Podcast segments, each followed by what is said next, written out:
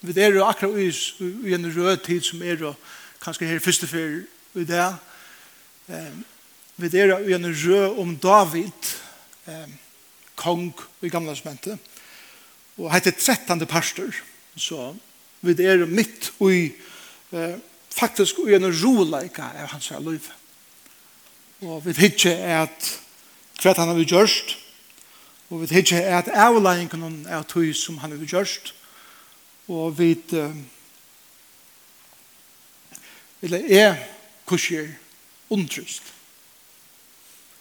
og er undryst i vil henta fantastiska mannen. Hvordan livet kjønn og bleiv resten av livet kjønn og bleiv og korsene så visste god om nei jeg ønsker i det å gjøre tve ting. Jeg ønsker i det først Jeg ta seg til okken foreldre, kanskje særlig til okken papar. Det skal man si er galdande for okken ødel, men kanskje særlig for å bia okken papar at heva øyrene åpne det til det som vi lærer fra løyvene til David. Og særlig det som vi lærer av avleggingen som han måtte bære og tid som kanskje ikke kjenner søvn ordentlig, som er kanskje første ferie, eller ikke første ferie. David er en godsmæver, og god hever leitan, lyga fra til han var unger dronker til nå er vi kong i Israel.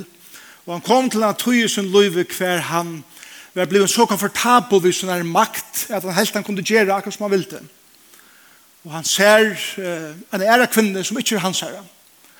Og han teker henne, han stjeler henne fra en øre mann.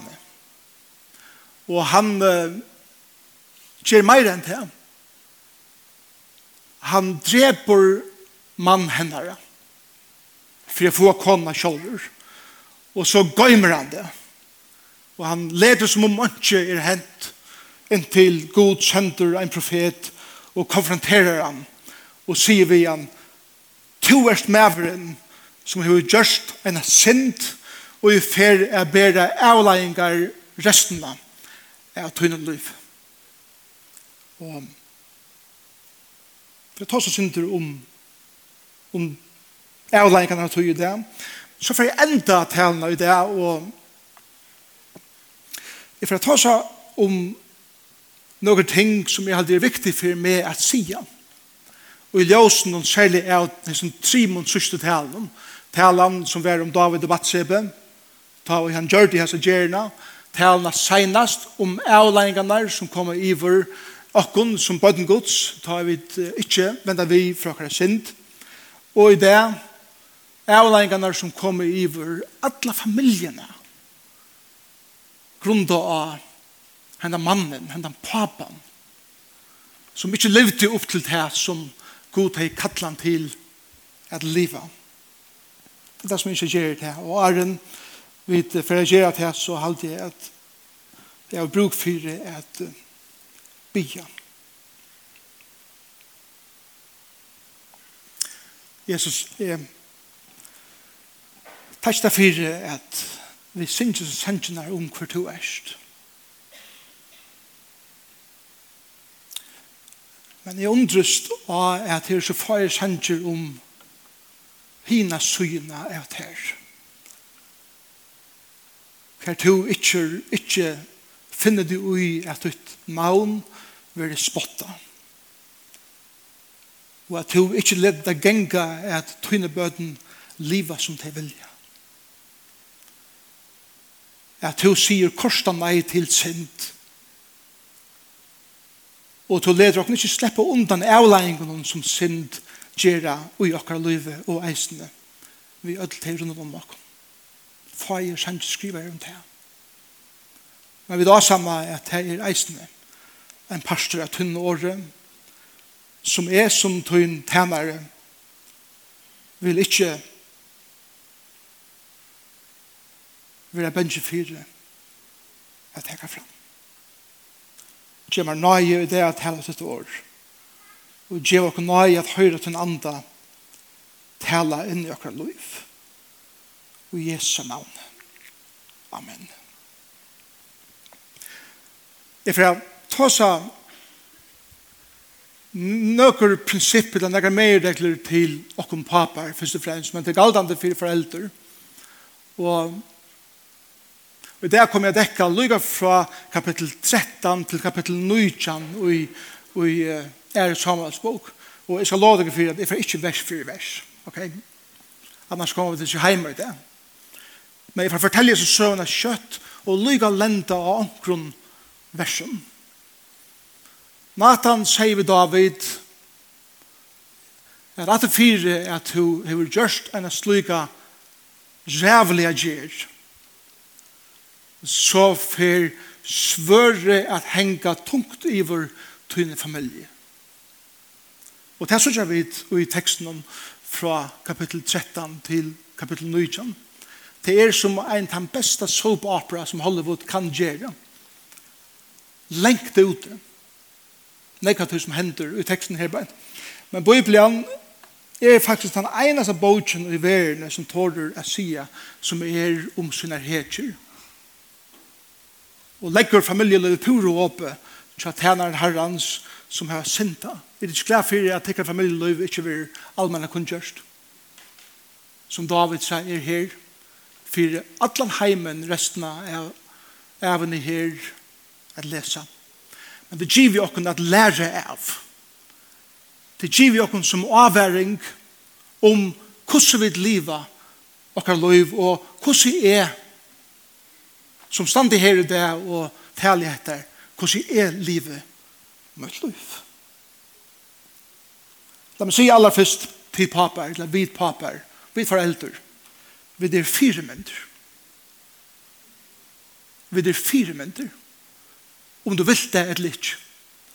Du er fire mynd positivt, eller er du fire mynd negativt. Det er omgående så leis at du ikke er en fire mynd. Det er alltid så leis at jeg er en fire mynd. Som oftast gjør okkar bøtten ikke det som vi sier. Amen. Men som oftast gjør det det som vi gjør. Amen. Amen hatt det synder verja seg jammen til. Tror jeg at vi vil helst ikke at bøttene mennkene skulle gjøre det som vi gjør, men bøttene er så leis. Jeg vet at selv fra bands beinene av, og eisen gjør mine bøtten, at de lusta vel etter hva de sier, men de lusta enda bedre etter hva de gjør. Og som oftast tar jeg ikke etter tar løyve i det, så er det ikke det som er bedre å gjøre som det gjør, men det som jeg har gjort, eller den maten som jeg har vært på, min attityda, som er sånn spekla jeg atter i tegn. David gjør det.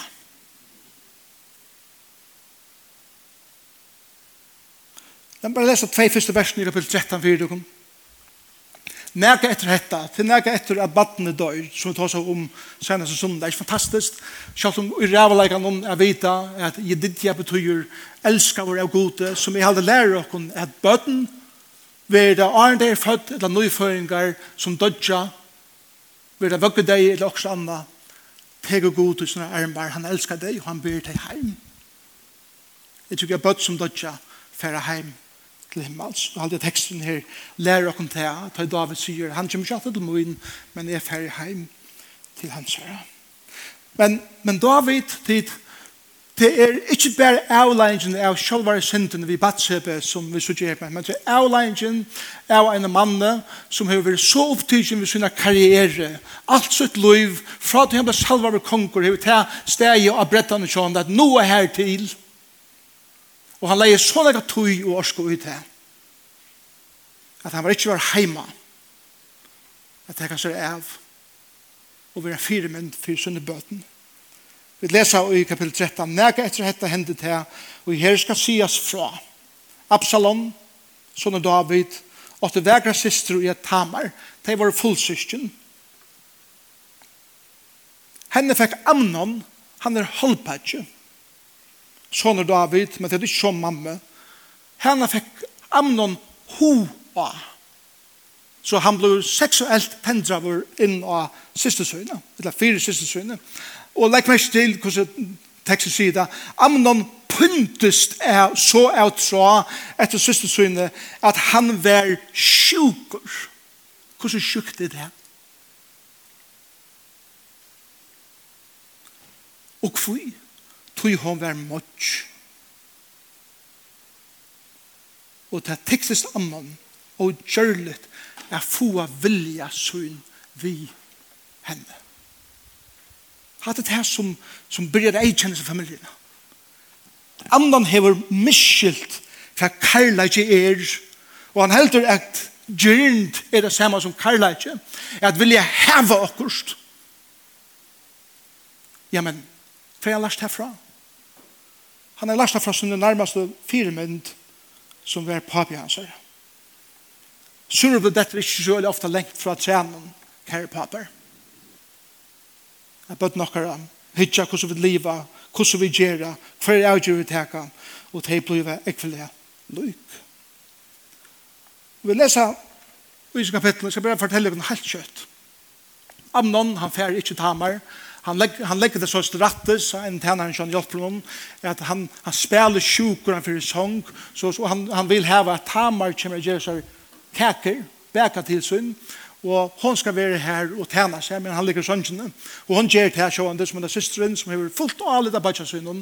Og tar hun kommet inn, hon er bæka kaker, så sier han, vi alle tjener, fer tid ut, Så bæra jeg og hon, og hon skal gjøre meg etta, og så sier han, kom og sett jeg sannsyn som er og gjør meg et, og hon gjør det her, og i beste trygg, vi alle det arbeidsa søgn, og tar henne sett seg, og skal gjøre henne kakene, så teker han i hånden av henne, og hon sier, og, og sier, ligg ved meg, og hon sier, ikke, altså vi er syskjen, ikke gjør det hette mot meg, og det stender at han nei tog siste søgn,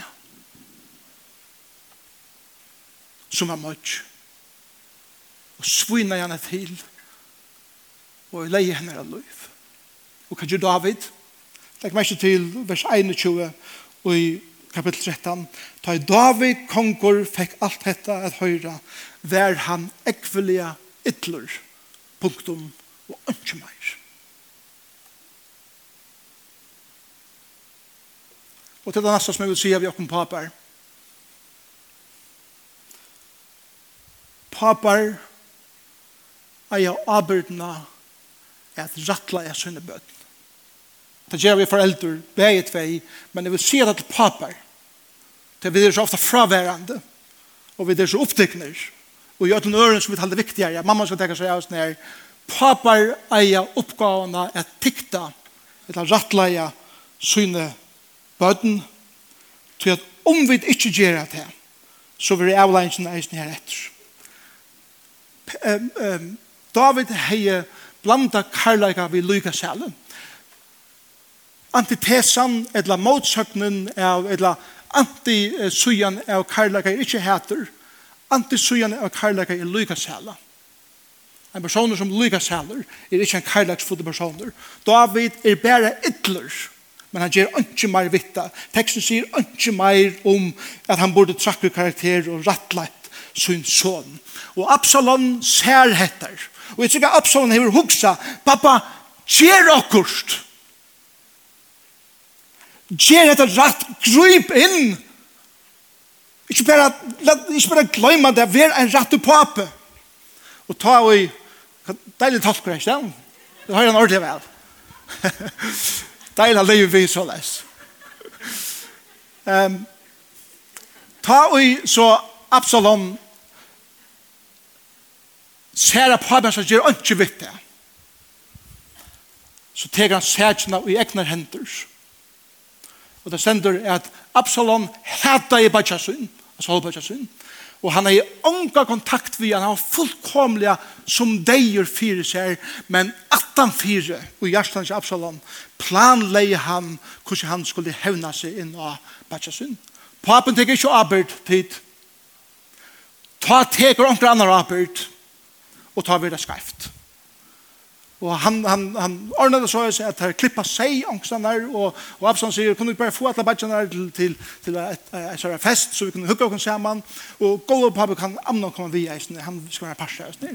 Og han planlegger at Mian tar hava drutja Amnon fotland, så skulle tænaren til Absalom gjøre av vi Amnon, og det gjør det. Og Absalom flutjar.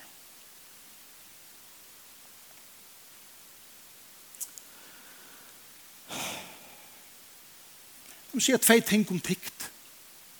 Tikt er ikke slåa, for det første. Tikt er rett leia, en som, som min son eller mine døtter som er skreiver lei, og viser dem en rett lei. Vi kunne ikke tikt akkurat bøten for, for, for det terra løvstøyl, om akkurat løvstøyler er ikke bedre. Det er et viktig prinsipp. Hva skulle du kunne si?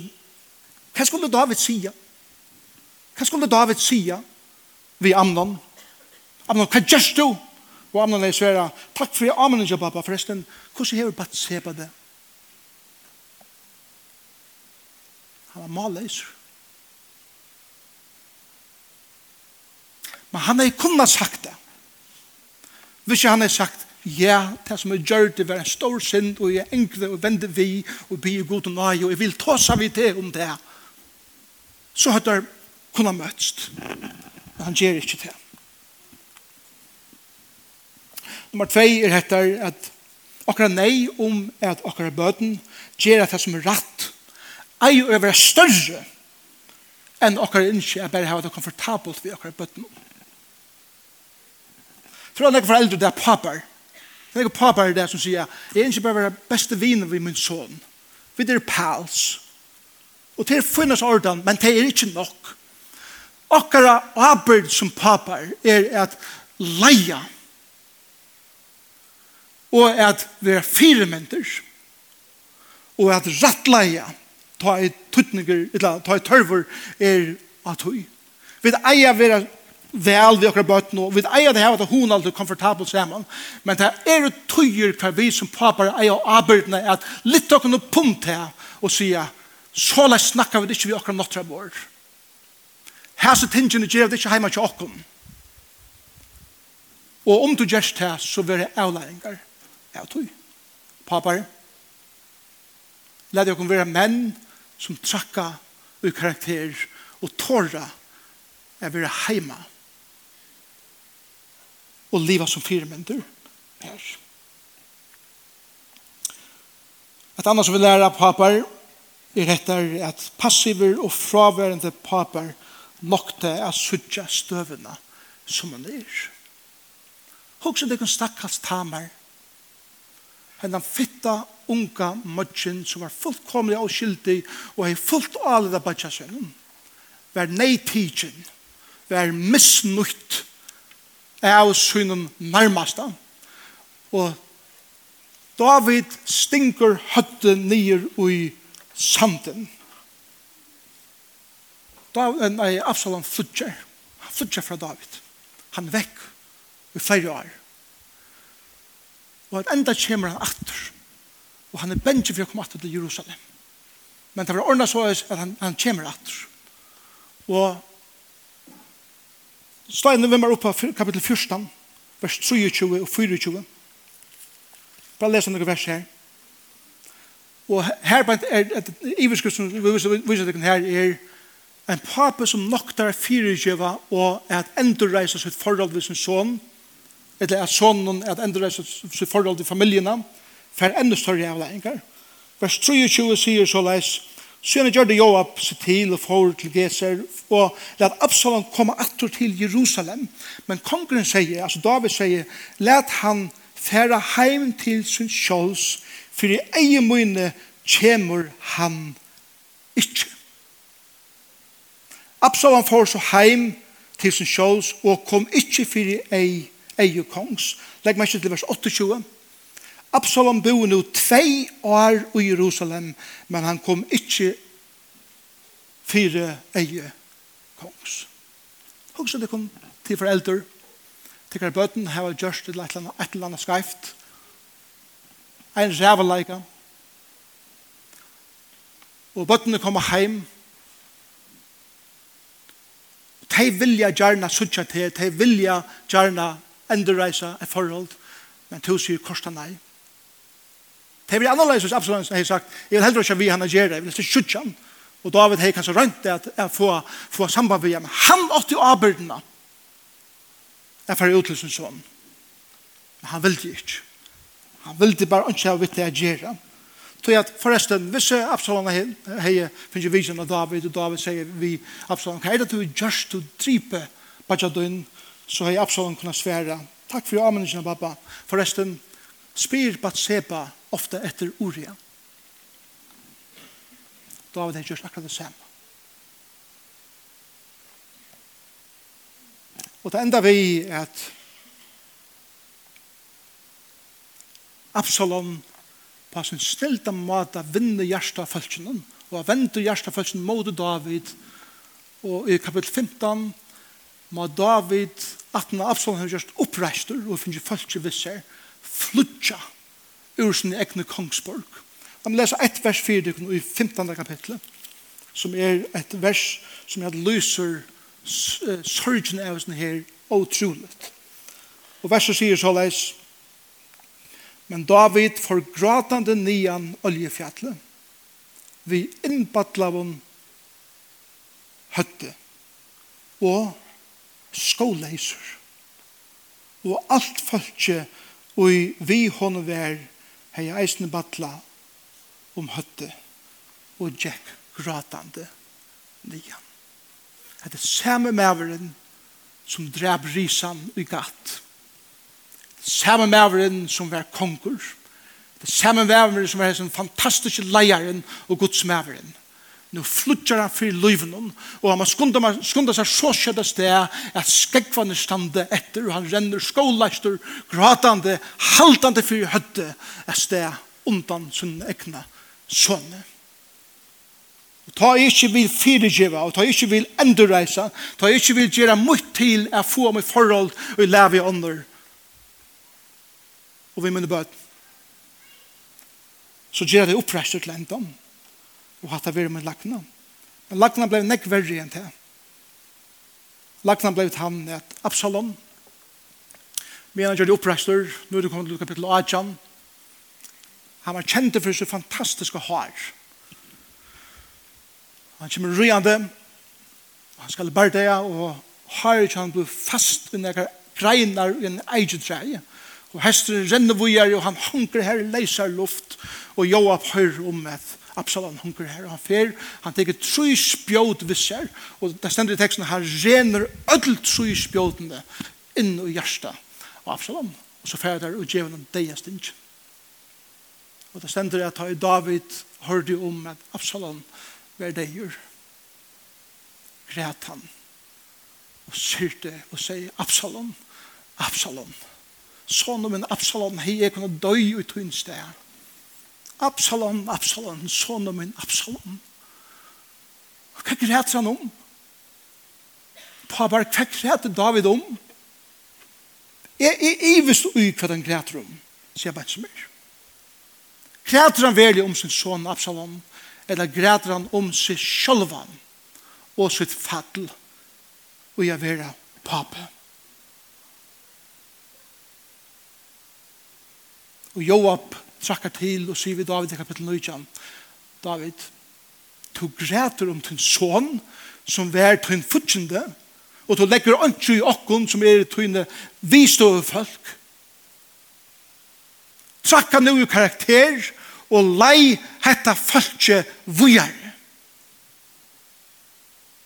Og David, og i sin sorg om seg sjølvan og i sånne vesela dome at han veit at han avlegging av tog som er har gjørst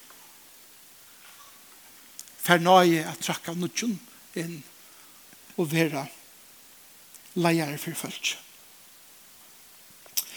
La meg bruka sørste minuttene og på at nevna noen ting som er viktig for å kunne skilja og i ljøsene av hessen senast Simon talen Det negativ som jeg sier her i det, må skiljas i en nekst større konteksten, og tøyen er sløytelkjammer.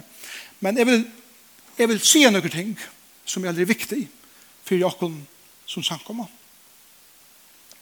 Det første rett er, da jeg leser teksten her, og jeg leser om Løyvis og David, så, og, og særlig avleggingene der som kommer i andre folk, er etter at det kjennes årastvust at Gud skal vise sindar og nøye som særa og knusa ånder. Føler de det? At de som har gjørst tikkun åratt som har valgt tikkun pyno og sår og i tikkara løyve og i bøtten tja tikkun eller vinon eller hver det så er at Gud bare sier i fyrir ikke ved det vi visste dem, føler det her overrettvist. Jeg, jeg føler det hva skjer. Jeg føler liksom at det passer ikke ordet til akkurat demokratiska kultur og i, følgen i det. Hva er det for nek? Og jeg vil bare si, jeg vet ikke om tannkjenslan er ok.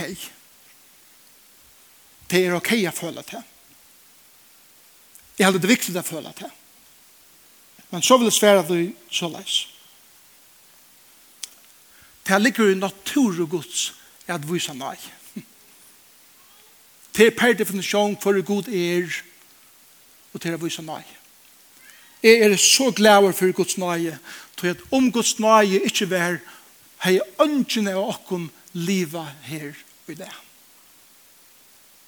Guds nøye er eisende galdende for det. Lyga så vel som var galdan for David og de som særa okkara liv. Til det første, den neste sfære som vi vil gjøre til denne sporingen er etter. Om nøyen, eller rett her sagt, utan nøye, vær synda byran og avleinsna minnar synd og tung er byran. Hon er veri og tung fyrir meg er byran. Som vi sier, Svein og Sunde, jeg tykker at Jesus døg av krossen som vi det minst han i det, og han unnles teksten at han var sørte for bråd dere, såra vår for mykjer dere. Så tykker vi eisen at han tog nekvar at han tingst tingste avleggingen av dere synd på krossen eisen. Og han ber det her. Det tredje svære som jeg vil gjøre til dette er til at vi vil løfte i det liva eisne på nøy. Vi er nøy røyk i måte for nøren. Faktisk er det et under jeg vet sitte her ødel sammen i det.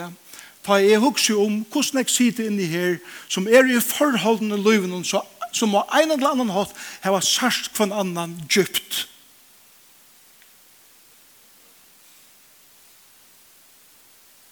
Men nøyen fyrir pumpe. Ja Jeg vil si ammen til hatt det. Jeg tar ikke nøyene og pump min sår til at jeg reflekterer han som er per definisjon nøye og i livet til og i luftene. Det er et under og det er størst. Så vil jeg si etter og etter er næsta som vil si God, kjalt om han er nøye røyker, leter ikke sine bøten vera åtiktar. Ta det ikkje vilja vende vi. Hør meg hva du sier her, det er viktig for meg å si Ofta miskjer vi nøyene. Vi taler, å, jeg god vis nøye, og han bare fyrgjør alt, så kan man leve akkurat som vi vil, og bare synda henne for å si at, jo, jeg er god, det så nøye, og ikke, og ønske, ønske en avleying. Jo, avleying er. Nøye betyr det at du skal slipper livet Men avleggingen er han er god tiktar sonen og dødsene og i ham elskar. Og har sin egna hot vid hesta alltid til og vi soa alltid det er nøy testamentlig meirekla at om jeg sa jeg heter så hester jeg heter ønsken plantar et absintre og en kaktus vekser opp ånden. Og det er det samme vi at om jeg sier bitterhet og hæter og synd i min liv, så vil det her avvokseren som vekser opp. Og alt det som er under om meg, få svian. Jeg tror. Men så vil jeg si etter at sett. Ta i god tikter, sin son og sine døtter, så er det ikke vi tog for jeg bare slå av deg nyer, men det er alltid vi tror for eia er at lytte deg opp. David bær avleggingene av sin er synd, og han var nyer slien, men god vær alltid her og sier han, jøgna det her, du slipper ikke undan hans nær. Hatt er en pers av din liv, men jeg er vitt der, vi tog fri eie, at lytta til oppater. Og det er det som god eisende gjør i min løyve ta jeg synte. Det tredje som jeg vil si er hettar. Og nå vil jeg tale til tøyen som er sartor, til tøyen som er baskur, til tøyen som innskjør at hevn skal komme, til tøyen som føler at vera maver døgn, eller vera kona døgn, eller vera noen andre som har valgt der djup svar i løyven. At du vilt at hans loja fyrir det. Jeg vil si hette vi til. Tøyn hovor til hevnt og ålokko i vi hei som har valgt her sorg og pynne ter tørver eisne na i gods. Så jeg vil jeg være så leis er to ønske bedre enn teg. Et annet som vil si er eisne er Så tror ho at tikt om annan, men til at god tiktar alltid nekk bedre og effektivere enn to. Han do nekk bedre. Til at nekk bedre gjeva det vi hans hender. Og vi talte han arbeid så sent, og han, han tiktar ikke noe harsht, og så vi er trygg for meg at han gjør. Men trygg for meg eisen er det godt. Han ikke gjør det på den måten som to himmelig har gjør det. Til minst til at det er andre som også er det samme om det, vi tar med saren som tog valgt hjem. Tøyn øye for først og fremst er reka til sjølvan og tøyn nærmast. Skiften som to plantar er djeva øron fer vi luftene og smittar til sjølvan og ødelt teg som er rundt om det. Tøyt sinnalega smittar. to just her sjolvon luive sørst, og ødler om til, om to liver og i ofyregjeving, og i hevntar hove, og i hætre. Vi ødler skulle arbeide gjøkken fakta i at vi er behandla i og at vi er sært, og at vi har kjensler i øye, at vi ber skam, at vi ber sorg, at vi har hevntar hove, Vi skulle arbeide jo med det. Men vi må komme her til at vi slipper det. Det er det som fyrtjøving er. Det er å slippe det. En som ikke fyrtjøver, det er en som krøtjer seg i rytjen av hånden til henne som hun har sagt med. Og alle stener som vi kommer til fer, henne er faster i gjennom. Vi kommer til å kanskje lenge siden gløpt med, men alt mot liv er fyllt av hætri mot vi kommer alt. Og ikke for henne slipper du. Er i løst. Til å gjenge hvor. Ta leierna som god vil hava med.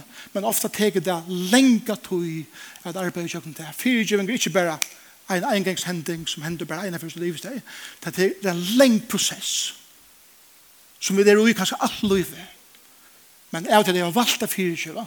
Ta jeg så lærer dere nytt om som, det som jeg har sagt med, så legger jeg den bunken og sier, hatt har jeg ikke valgt. Det er fire kjøla. Forresten, la meg spørre deg om spørningen. Halda tid at jeg hjelpte Tamar ordentlig vel at Absalom drep Amnon. Halda det det? Jeg tykker vi ikke. Jeg tykker ikke at Tamar har vært så reelle glede at Amnon døye. Til videre det er jeg tror at hun miste beg Amnon og Absalom i prosessene. Og hun levde ensamhet og anlig. Og sier noen ting at skjedd. Og til heter. Lorste vel etter. Heter ordet jeg bjørn. Hvis det er bjørn her til, så er det enda mer jeg kan nå. Vi er kattleg at elska teg som vi halda heva minst oppebørd. Vi er kattleg at elska teg som vi halda heva minst oppebørd. Det er bare siste det vi slår til side her hånd i hånd og synes jeg kumbaya. Men det betyr det at vi, vi lever sammen.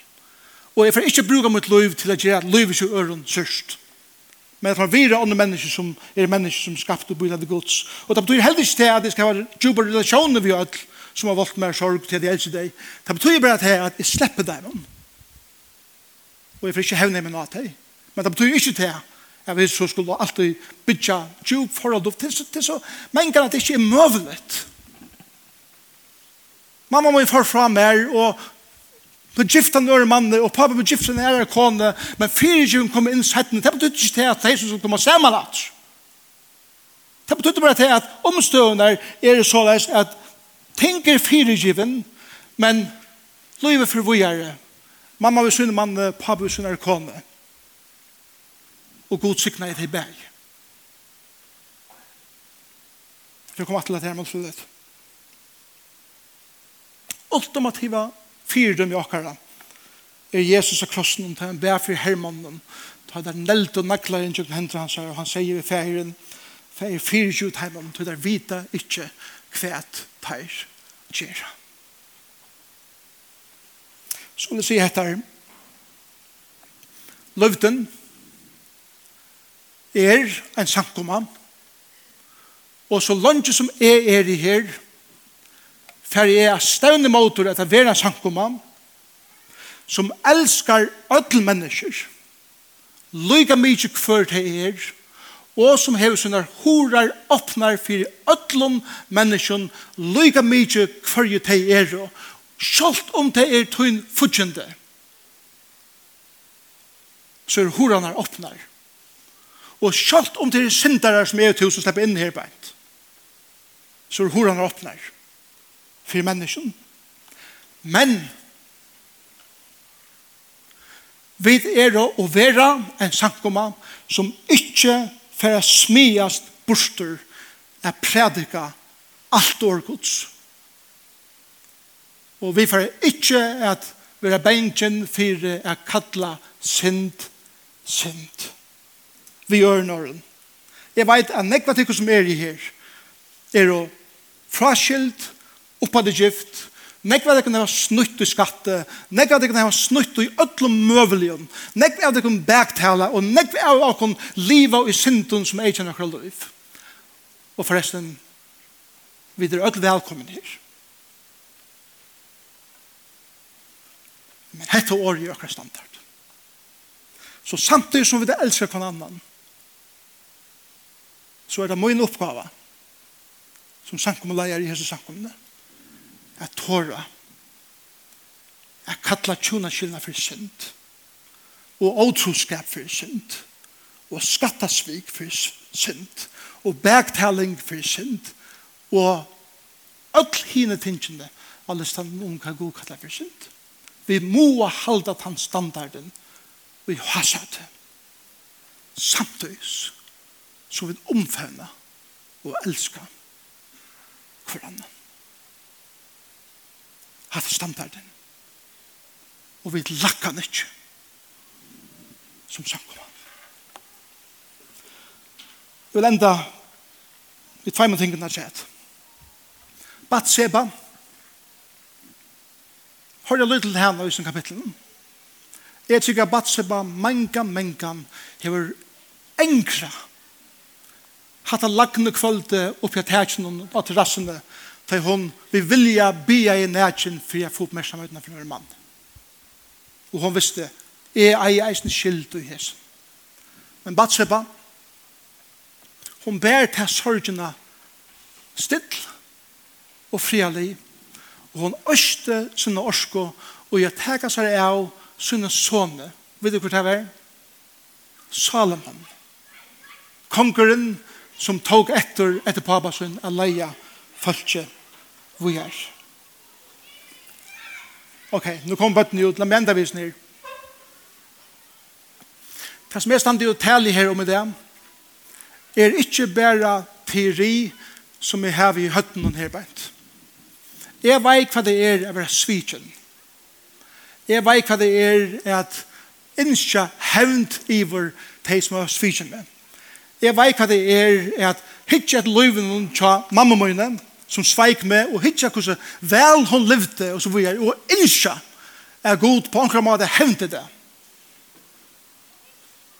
Men jeg vet eisende at der hvor hun kom, ta i en måte sya, jeg må sleppa sånn her, vet du hva sier til meg, jeg kan to måst sleppa hætsunne mot mamma døgne, til at det gonger og tiver okkon, og til kona som sitter her, ond kona min. Hon fikk smakka giftene av min hætre vi måtte en person som er kjørst med deg. Og hun lette meg her til jeg sier hvem jeg kan to måst fire gjøre mamma dine. Og så kom jeg her til hver jeg bedre God og sier God, nå er fire gjøre mamma og alt var deilig. Og hun sier til funnet at du blir god om fire gjøre for mamma dine men nå skal du ringe til mamma dine. Og sier vi henne at du har fire gjøre henne.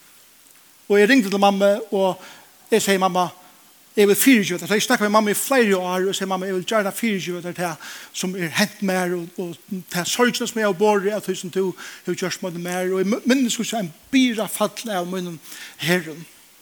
Og jeg leid telefonen og, og ondsyr meg deilig at du har kommet her til, men nå ringer du til mamma dine ene for et sett. Og nå ringer du og sier at du byr henne om fyrirgjøyving. Og jeg sier, kan man byr henne om fyrirgjøyving? Hva mener det vi? Og han sier med, at jeg som kona døgn og bøtten okkara heva, og i åra vis finnes jeg fra et her, år, og attitydte og mammedøgna, som hever bæra vært han reina gift inn i okkara loiv, og til å mala en mynd om hans kvinnena, som om at han er en heks, av en ærer vær. Det skal to by om fyrir, ikke fyr. Og det gjør det.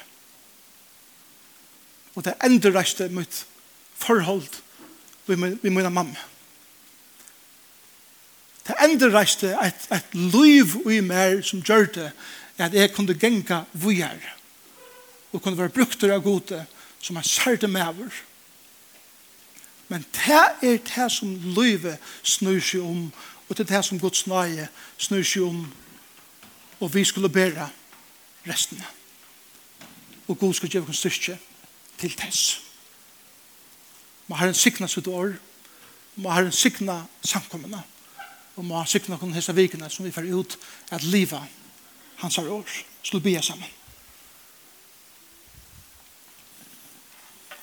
Jesus, takk for at tøyt år til er som at tvoi ikke spør og skjer inn helt inn av merk Og jeg blir i det om det her som er sagt. Nekv trykk vi har finnes store avbjørninger det at hukse om. Vi har finnes nekv at tidsja. Men jeg blir her Jesus om at tøy nøye skal være det som sånn det. Hjelp meg at hitje med egna lov først og fremst og hjelp meg å leve så leis at ta og i sinte så gøy meg det ikke. Men som du sier Jesus at sannleis skal gjøre det fri han og hjelp meg å leve så leis. Og Jesus er navn. Amen.